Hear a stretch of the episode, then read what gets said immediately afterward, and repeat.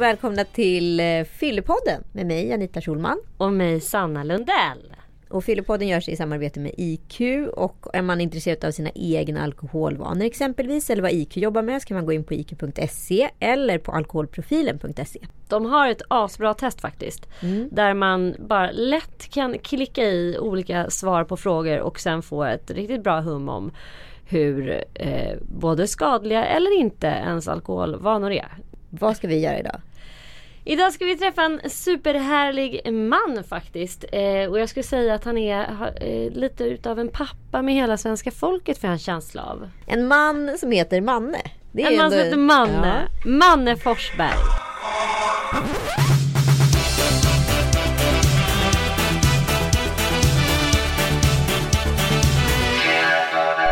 Manne, vad kul att du är här. Det är jättekul att vara här. Det är min, alltså det, är det roligaste jag vet att prata om alkohol. Jag tror, av saker som jag gillar att prata om så på först, första plats alkohol, andra plats träning och tredje plats sex. Varför älskar du att prata om alkohol? Eh, för det har varit en så himla stor del av mitt liv. Eh, jag drack ju kopiösa mängder alkohol innan jag slutade för sju och ett halvt år sedan. Då var jag ganska ung. Jag var 25 när jag slutade.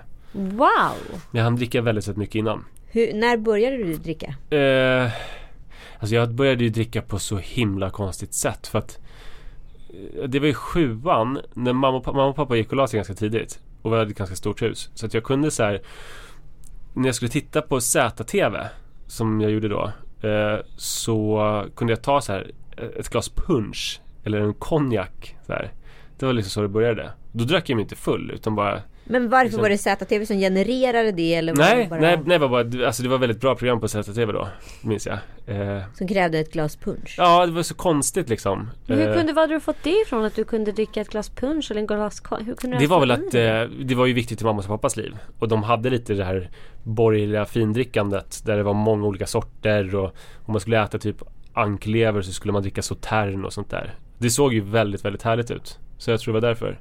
Men sen började jag dricka mer som en vanlig tonåring i åttan. Och sen började jag dricka mycket när jag fick gå till systemet tror jag. Som var när jag, ja, när jag var 20 såklart. Ja. Och hur mycket var mycket? Uh, jag, jag, jag var ute hela tiden och jag minns att om jag drack 10 enheter en kväll så tyckte jag att det var jävligt bra och duktigt av mig. Men det var väldigt sällan som jag drack 10 enheter utan det brukar vara mycket mer. Och 10 enheter vadå? Öl, vatten, vin höll jag på att säga. Alltså enhet är väl 4 centiliter starksprit i någon form. Ah. Just det, eller en, sta, en Så det blir ett litet glas, glas vin ah. eller en, och då blir det väl också en, en 33 centiliters öl ah. eller 4 centiliter sprit. Om jag, vissa kvällar så var det så här, fan vad jag är bra. Jag har druckit 10 enheter. Då tyckte du att du hade hållit nere? Då hade jag hållit nere, ja. Men hur kunde du liksom komma undan med det här? Jag tänker, du växte ju ändå upp i en familj med dina föräldrar och så här. Hade de inga betänkligheter kring att du drack så mycket? De visste inte det. Eh, de visste inte, alltså det var ingen som visste det. Eh, jag blev ju ofta en av de fullare när jag var ute. Men det fanns ju man hade, det fanns en kille, men han var ännu fullare. Mm. Så att eh, det var liksom lugnt. Jag, jag sårade aldrig någon eller så här. Jag var bara jobb, alltså jag ville ju, det jag ville göra var ju alltid att jag ville ligga. Eh, så att jag raggade kanske för framfuskt och någon tyckte att jag var jobbig på det sättet. Men jag var ju ändå en, en nice drunk. Jag var liksom trevlig och rolig och sådär.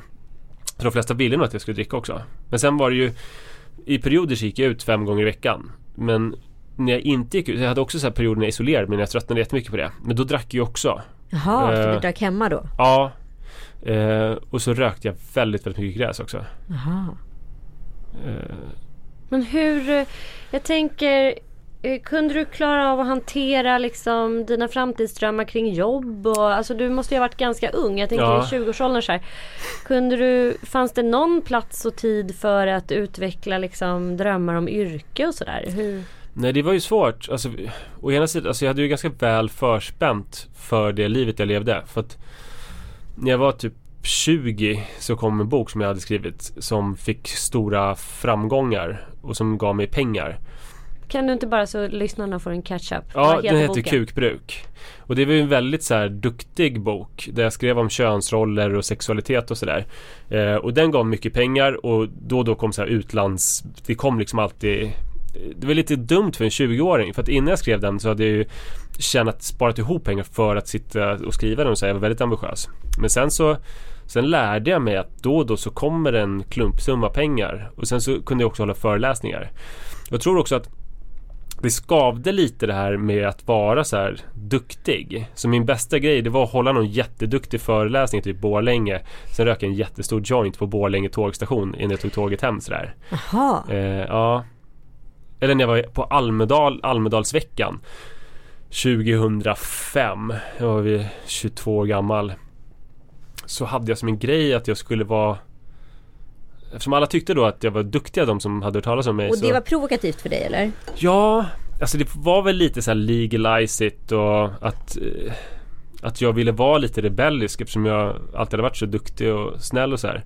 Så det jag gillade att göra på Almedalen det var att jag kom på att man kunde be att få is på en restaurang och fylla en plastpåse med den och sen dra ut en så här bag-in-box påse och lägga i. Så hade man så här kallt vin med sig och sen rökte jag blunts, alltså när man eh, gör med, som ett cigarr, som en cigarill ser ut, jointen.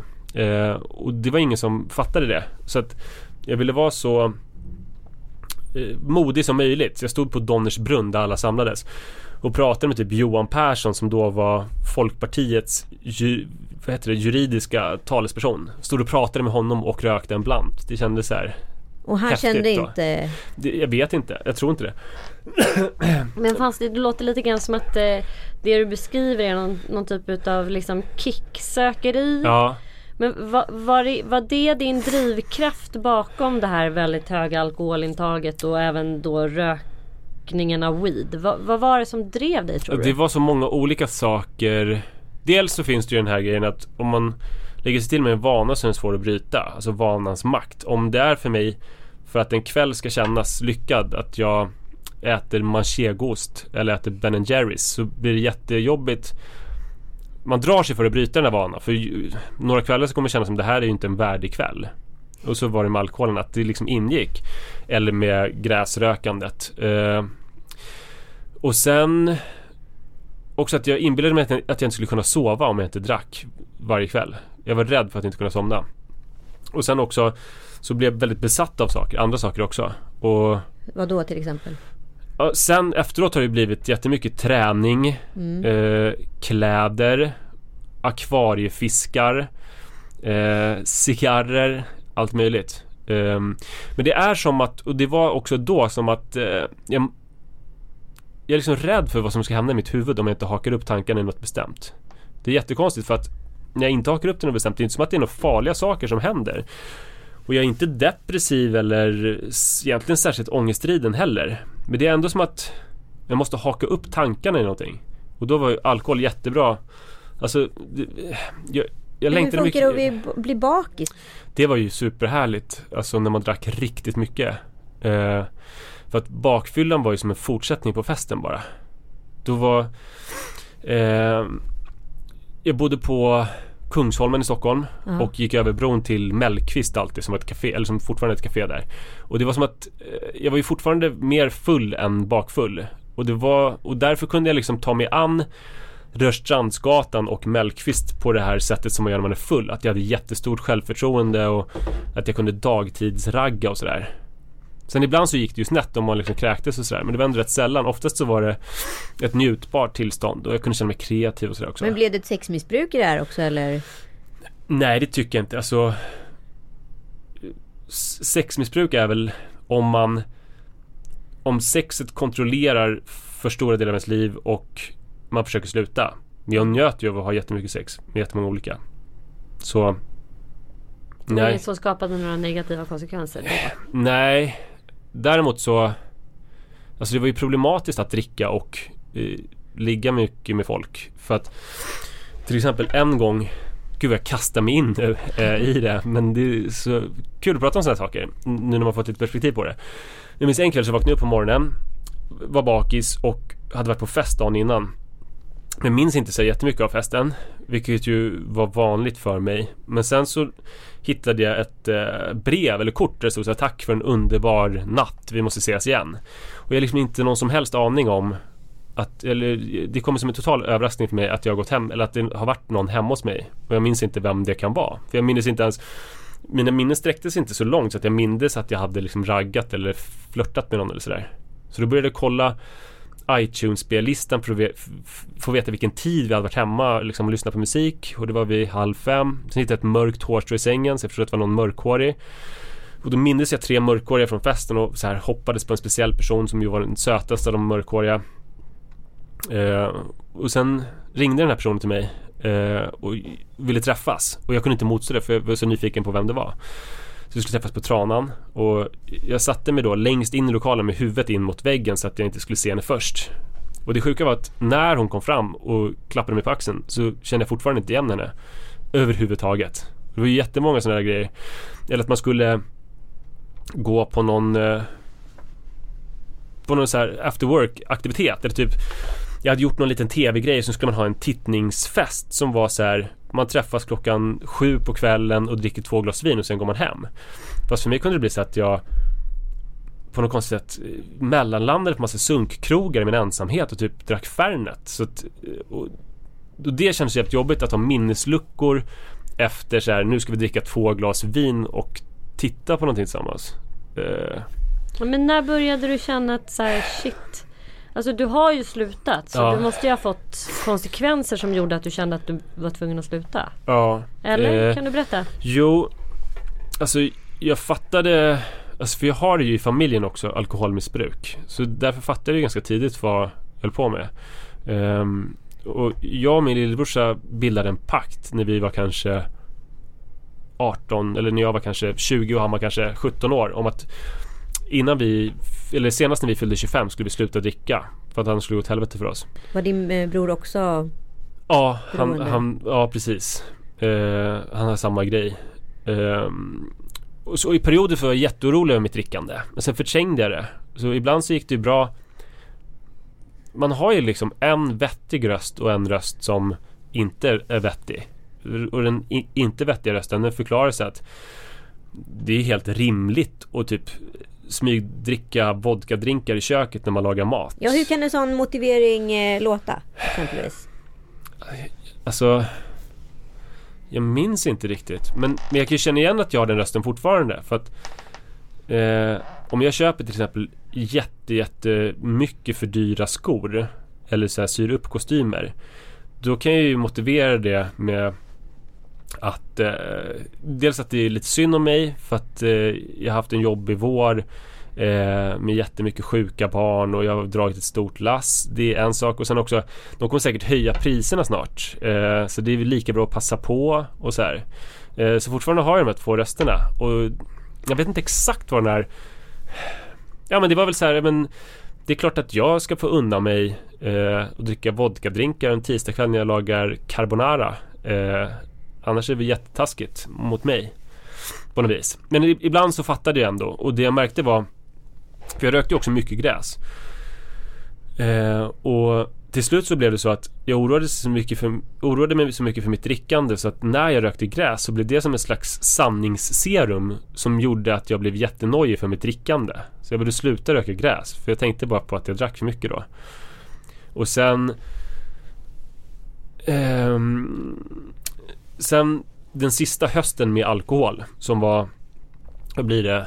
2008 2009, 2008 eller 2009 eh, Då sökte jag mig mer aktivt mot min botten Som inte blev så dramatisk eh, För jag har gjort mer dramatiska innan, saker innan eh, Men det var mer så att Jag ville visa för mig själv att jag var en alkis Genom att göra typiska alkisgrejer Som till exempel Sitta mycket med kvartersalkisar på kvartersalkiskrogar och dricka med dem Jaha, så så det var nära parkbänken så att säga. Ja, jag sökte mig lite grann sådana miljöer och det, Var du liksom ball, hur funkar det i de typerna av miljöer? Är du liksom den unga killen som blir ball då och kommer med något nytt? Nej, det, alltså det som var så eh, effektivt det var att jag var ingen speciell. Jag var bara en, en av dem. På en gång. Men du, kände du 30 år en identitet i det och kände, eller kändes det skamfullt? Eller hur kändes Nej, det kändes superläskigt. Ja. Eh, och det var nog det jag sökte mig efter. Ja, men så här, jag satt mig på en sundkrog och, och de bara nu kommer, nu kommer din fru bli arg på dig. Typ. Eh, det var liksom verkligen så här välkommen in i gänget på en gång. Och sen också typ om jag skulle gå och lyssna på Mozarts Requiem i Konserthuset klockan 12 med en kompis på dagen så gick jag och tog en Fernet och en öl innan typ. Och kanske inte bara för att jag kände behovet utan också för att jag ville visa någonting för mig själv. Eh, och sen så bara fick jag nog. Det var en ganska vanlig kväll. Vi hade varit ute en vardag och tagit några glas och jag hade fått minnesluckor och så här. Så vi åkte upp på morgonen och kände att nu räcker det. Så då ringde jag till Maria Beroendecentrum. Eh, men de svar, för då tänkte jag att jag ville ha hjälp att dricka på ett vettigt sätt. Men de svarade inte i telefon. Eh, och då var jag så pass motiverad. Så då kollade jag upp var det fanns ett A-möte. Och så gick jag på det.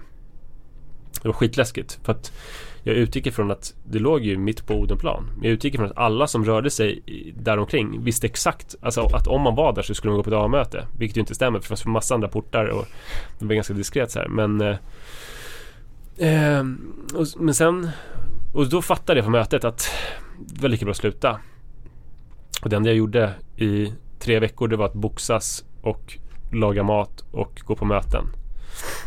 Det var det enda. Jag kokade så här fonder och på kycklingfötter och boxades tre timmar i sträck och åkte till min systers landställe. Då skulle de äta så här eh, pepparriskor på finskt vis. Så här salta som typ bara är goda om man dricker vodka också. Och det var jättejobbigt för mig. Så då stod jag och sågade ved i fyra timmar så här. Eh, sådana grejer. Men du gjorde det alltså helt själv? Ja. Och sen slutade jag också gå på eh, möten. Och, och satsade på att bara eh, köpa massa skor istället och tänka på akvariefiskar och annat egendomligt. Men har du, alltså så du, du går inte på möten? Nej, Vad var det som gjorde att du kände att du inte ville fortsätta det är med det? jättekonstigt att jag inte gör det.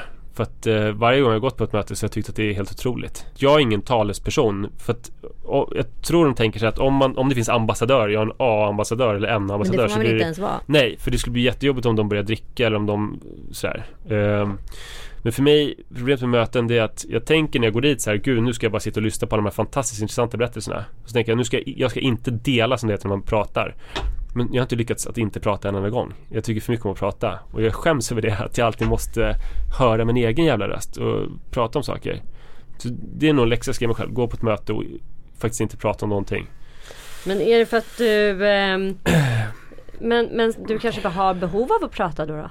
Ja, kanske jag har. Ja, eftersom jag sitter här också och smattrar ur mig saker. Vi har inte fått en syl i vägen. Nej, vädret, förlåt. Nej men det är, Eh. det är helt fantastiskt att, att höra din historia och jag blir så här Det som slår mig när du berättar det är att jag tycker att det är så insiktsfullt ändå av en 25-åring att komma till de här slutsatserna därför att väldigt väldigt många som är i åldern 18 till 27 överkonsumerar ju alkohol så det känns inte som att du är jätte, jätte unik men sen kanske det liksom dyker upp naturliga tillfällen i livet som gör att man måste omformulera sin relation. Man får barn, man kanske får en fast anställning eller det händer saker som gör att man måste gå ner i sitt drickande liksom. Ja. Men att du kommer på det här och bara så här shit jag måste göra någonting. Jag tycker det är ändå väldigt stort.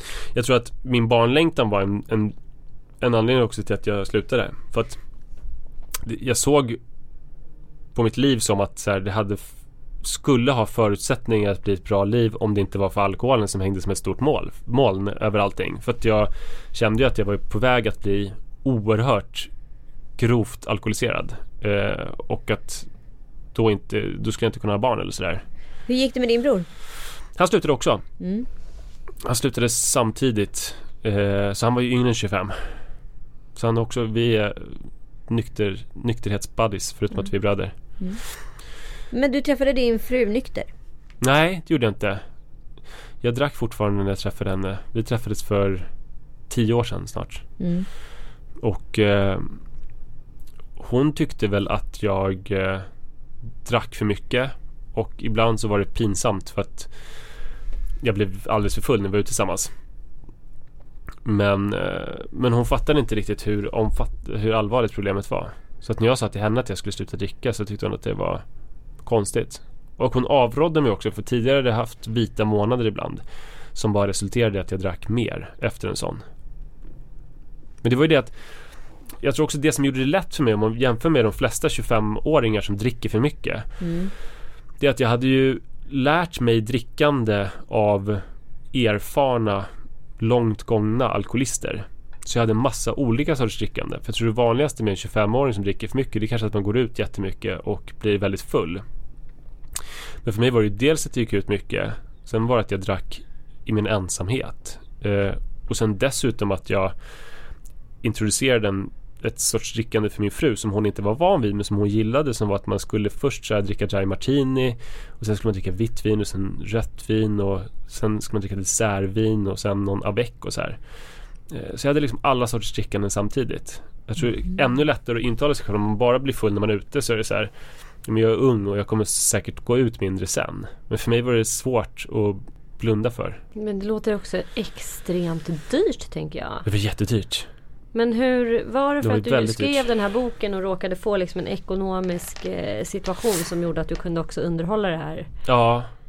Ja precis för det var ju också så dyrt för att när jag gick ut så bjöd jag ju alltid alla. Och de som var jämnåriga med mig de var ju superfattiga. Så att de bjöd aldrig igen. Så att eh, det blev ju helt hysteriskt dyrt. För varje gång jag gick till baren som var väldigt ofta så köpte jag till mina vänner också. Eh, ja det var jättedyrt. Men hur det känns ju som att ditt liv, det måste ju finnas ett väldigt för, eh, tydligt före och efter. Alltså om ditt liv var så så att säga impregnerat i alkohol Ja. innan. Liksom alla de här olika typer av drickanden. Du träffade också din fru så. Men hur, har det blivit, alltså, hur ser livet ut för er nu?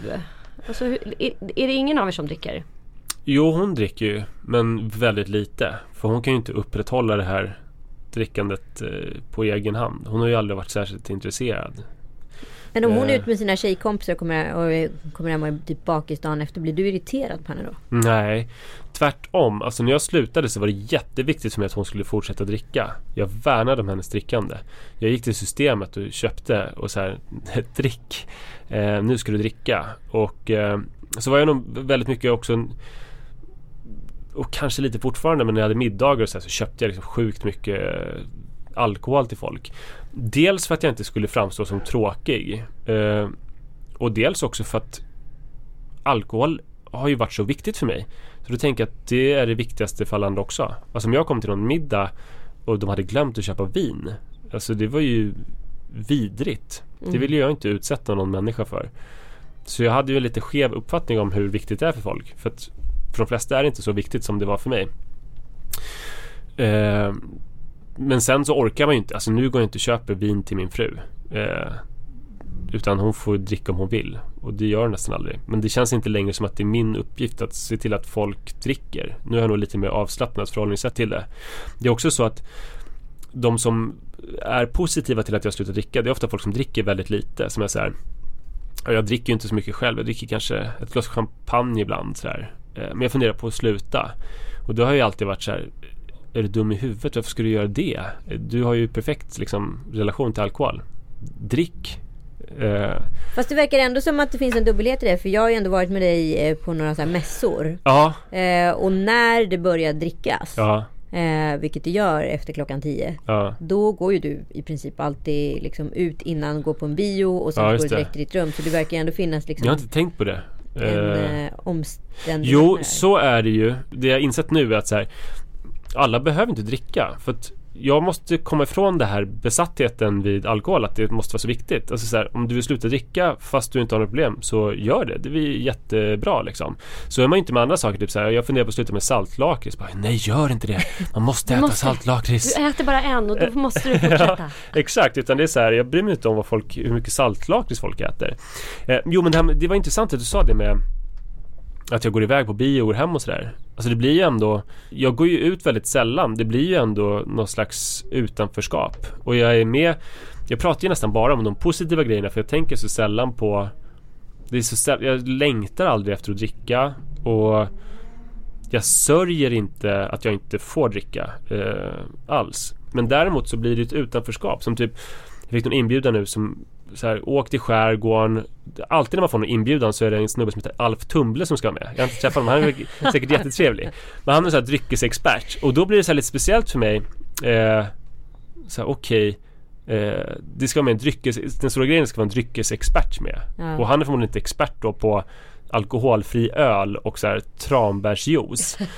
Eh, Så det blir ju men jag tänker också att det kanske blir jobbigt för dig när folk runt omkring blir fulla. Det kanske inte handlar bara om dig utan det kanske handlar mer om så här Varför ska jag sitta och lyssna på så här gaggiga människor som ändrar personlighet?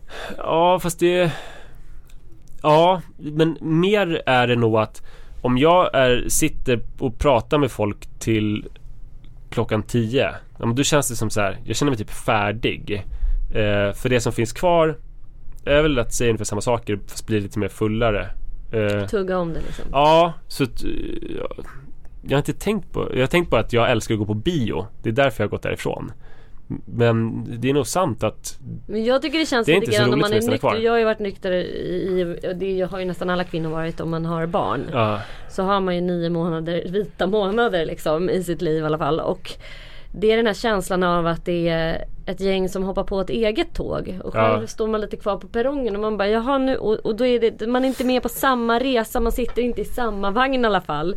Och eh, det, det är ganska så här, det är inte helt roligt att umgås när de har överstigit en viss promille för då hänger man inte med i resonemangen riktigt liksom. Nej, och man är väl inte så umgängessugen heller som folk som dricker. Och det är en sak som jag kan sakna. Så att, att vilja sitta uppe till fem och spela sällskapsspel.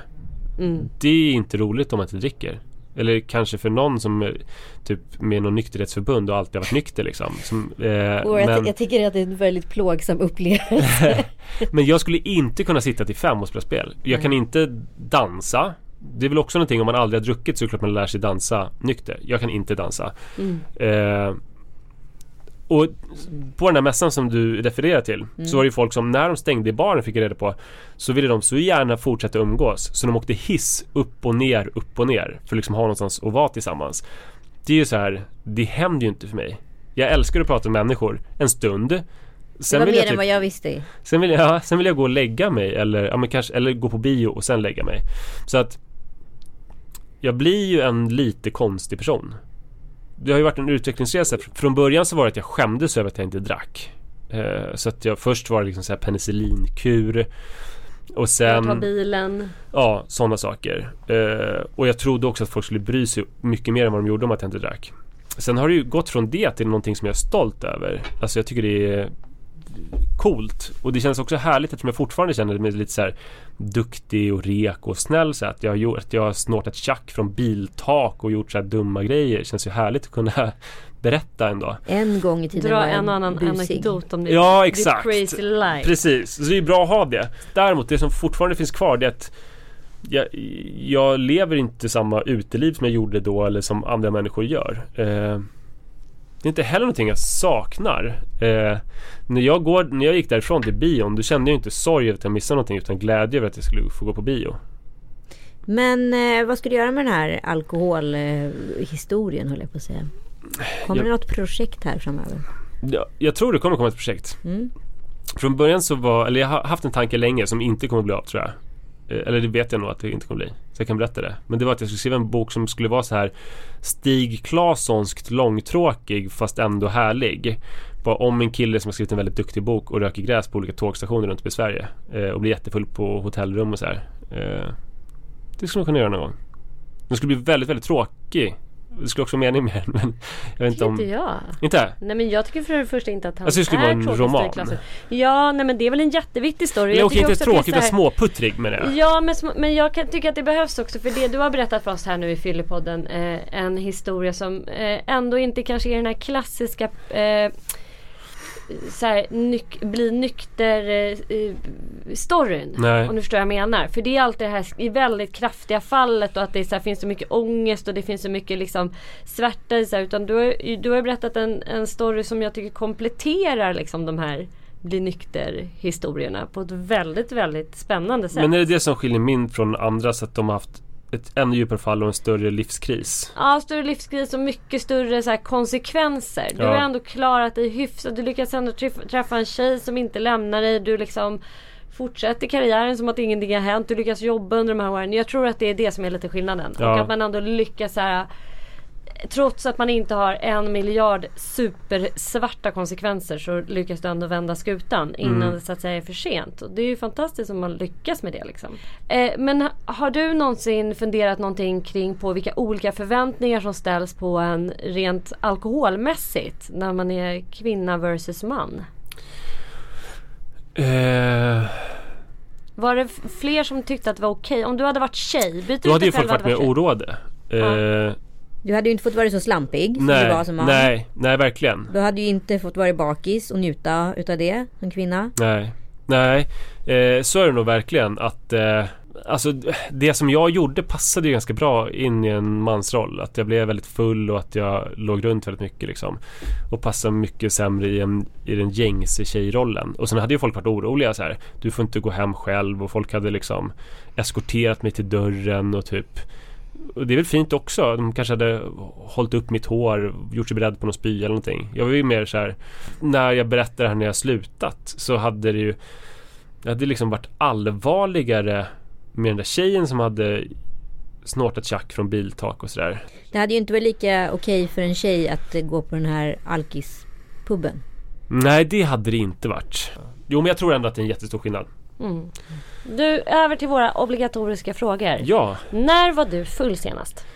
det var 27 oktober 2008 eller 2009. 2008, 2008. Vad eh, är det värsta, ditt värsta fylleminne? Ja, det var när jag eh, skulle, jag gick i gymnasiet och jag skulle fan var Mozarts Requiem, det slumpade sig så att jag skulle sjunga just Mozarts Requiem i, jag gick så här musikskola. Den är Och ganska hög. den är väldigt, eh, man måste vara väldigt engagerad som sångare för att sjunga den. Eh, och jag älskar den också. Och så försökte jag dricka en återställare för första gången i mitt liv för jag mådde så dåligt. För att jag, jag skulle nämligen kräkas. Och samtidigt som jag kräktes, jag hade en jätteliten toalett, jag hade flyttat hemifrån. Men den var så liten så det fanns ingen liksom handfat i den utan det var bara ett toalettskrubb. Med duschhandtag eller? Nej inte ens det, jag hade ingen dusch hemma. Eh, Men så när jag låg på alla fyra och kräktes Så bajsade jag samtidigt på mig liksom i hallen för min rumpa var utanför. Och efter det så försökte jag ta en återställare eh, Men det mådde jag fruktansvärt dåligt av Och sen visade det sig att jag var mag Alltså jag förstod sen att jag var magsjuk Samtidigt som jag var jättebakis eh, Och sen skulle jag sjunga den där Förlåt! Det var jobbigt Fan, vad Fast det var inget fylleminne förresten, det var bakfylleminne Räknas Ah, det? Jo men det Ja, räknas ganska tycker jag. Jag tror att Ja. du hade en annan promille där. Ja det hade jag förmodligen Hur ser din relation ut till alkohol idag? Min relation till alkohol det är att eh, unnar folk att eh, dricka. Och jag har lyckats med Anledningen till att jag slutade helt En del undrar så här, men kunde du inte bara dricka lite mindre eller kämpa med ditt drickande och så här? Problemet då att då hade jag ju fortsatt vara fixerad vid alkohol. För då hade jag behövt tänka så här, okej nu dricker jag två glas vin och sen inte mer fast jag hade velat dricka mer och så. Det som var min ambition var att om jag slutar dricka då kan jag ju släppa alkoholen i mitt liv. Och det har jag lyckats med. Så det är otroligt skönt. Så min relation till alkohol är att jag tänker inte så mycket på alkohol. Eh, mer än på kanske så ett samhälleligt plan eller sådär. Och jag unnar folk att dricka. Men hur, hur, du har två döttrar idag. Ja, Eh, hur kommer du prata med dem om alkohol? jag vet inte. Jag är gamla. jätte, jätterädd för att eh, mina döttrar har ju liksom missbrukare på alla sidor, liksom alla släktled. Jag är otroligt rädd. Och det, om jag blir så här, alltså jag vet inte vad som kommer funka när man säger så här, alla är missbrukare hela familjen, drick inte. Då kommer ju de behöva typ rensa tankarna efter ett sånt jobbigt samtal och gå och supa sig asfulla. Eh, säkert. Så jag har inte kommit fram till det än. Hur gamla är dina barn? Fem och ett halvt och tre. Eh, och jag tycker att jag märker så här, alltså man letar efter missbrukstendenser också. Jag tycker hos ena barnet, jag ska inte säga vem av dem med hänsyn till barnens integritet, men eh, jag tycker hos en av dem så märker jag lite så här missbruksaktiga tendenser. Besatthet? Ja, och en tydlig sak hos mig när jag drack, som kanske inte de flesta med det var att om jag hade sex stycken öl som jag skulle dricka, då var det ju, började det bli jobbigt redan efter tredje ölen för jag började tänka på, inte att jag hade tre kvar utan att det nästan var slut. Jag tänkte så här flera öl fram så här, när jag druckit halva nästa öl, då har jag druckit mer än hälften och sen, sen har jag bara två kvar och sen så här började jag få panik eh, fast jag hade druckit bara några stycken och hade jättemånga kvar. Um, och så där är jag nog mycket med typ maträtter som jag vill äta mycket av eller vad som helst. Jag vill liksom ha så mycket och vill inte att det ska ta slut och sådär. Så det är nog en tendens som man ska kanske se upp med. Då är det i och för sig perfekt att du tävlar numera i styrkelyft. Ja, Eh, Varför det tänker För du? att då får du äta väldigt mycket. Ja, det är det. Jag tänker så här, jag vill ändå bara ge dig en liten eh, härlig hoppfull avslutning här. Jag brukar vara ute och föreläsa en hel del med professor Fred Nyberg. Han är en av Sveriges främsta beroendeforskare. Och han brukar säga så här, beroende, människor med beroendegen, det är en förlorad samhällsresurs. Därför att om man har den där besattheten liksom och har den, eh, alltså den gen, genetiken som gör att man så här, gärna blir besatt av, av olika saker. Ja. Om man riktar den besattheten på någonting som är kreativt eller någonting som är till, till, alltså gynnsamt för mänskligheten så är det liksom de människorna som lyckas skapa stordåd. Fan, det ska jag börja göra istället för att hålla på med styrkelyft och akvariefiskar. Du får skriva den där boken tycker jag. Ja, det ska jag göra. Tack snälla för att du kom till Fyllepodden. Tack, vad kul det var! Eh, Jätteroligt att ha dig här. Tack Manne. Eh, Ni som är intresserade av era egna alkoholvanor, återigen gå in på alkoholprofilen.se. Och podden presenteras i samarbete med IQ. Ha det så bra.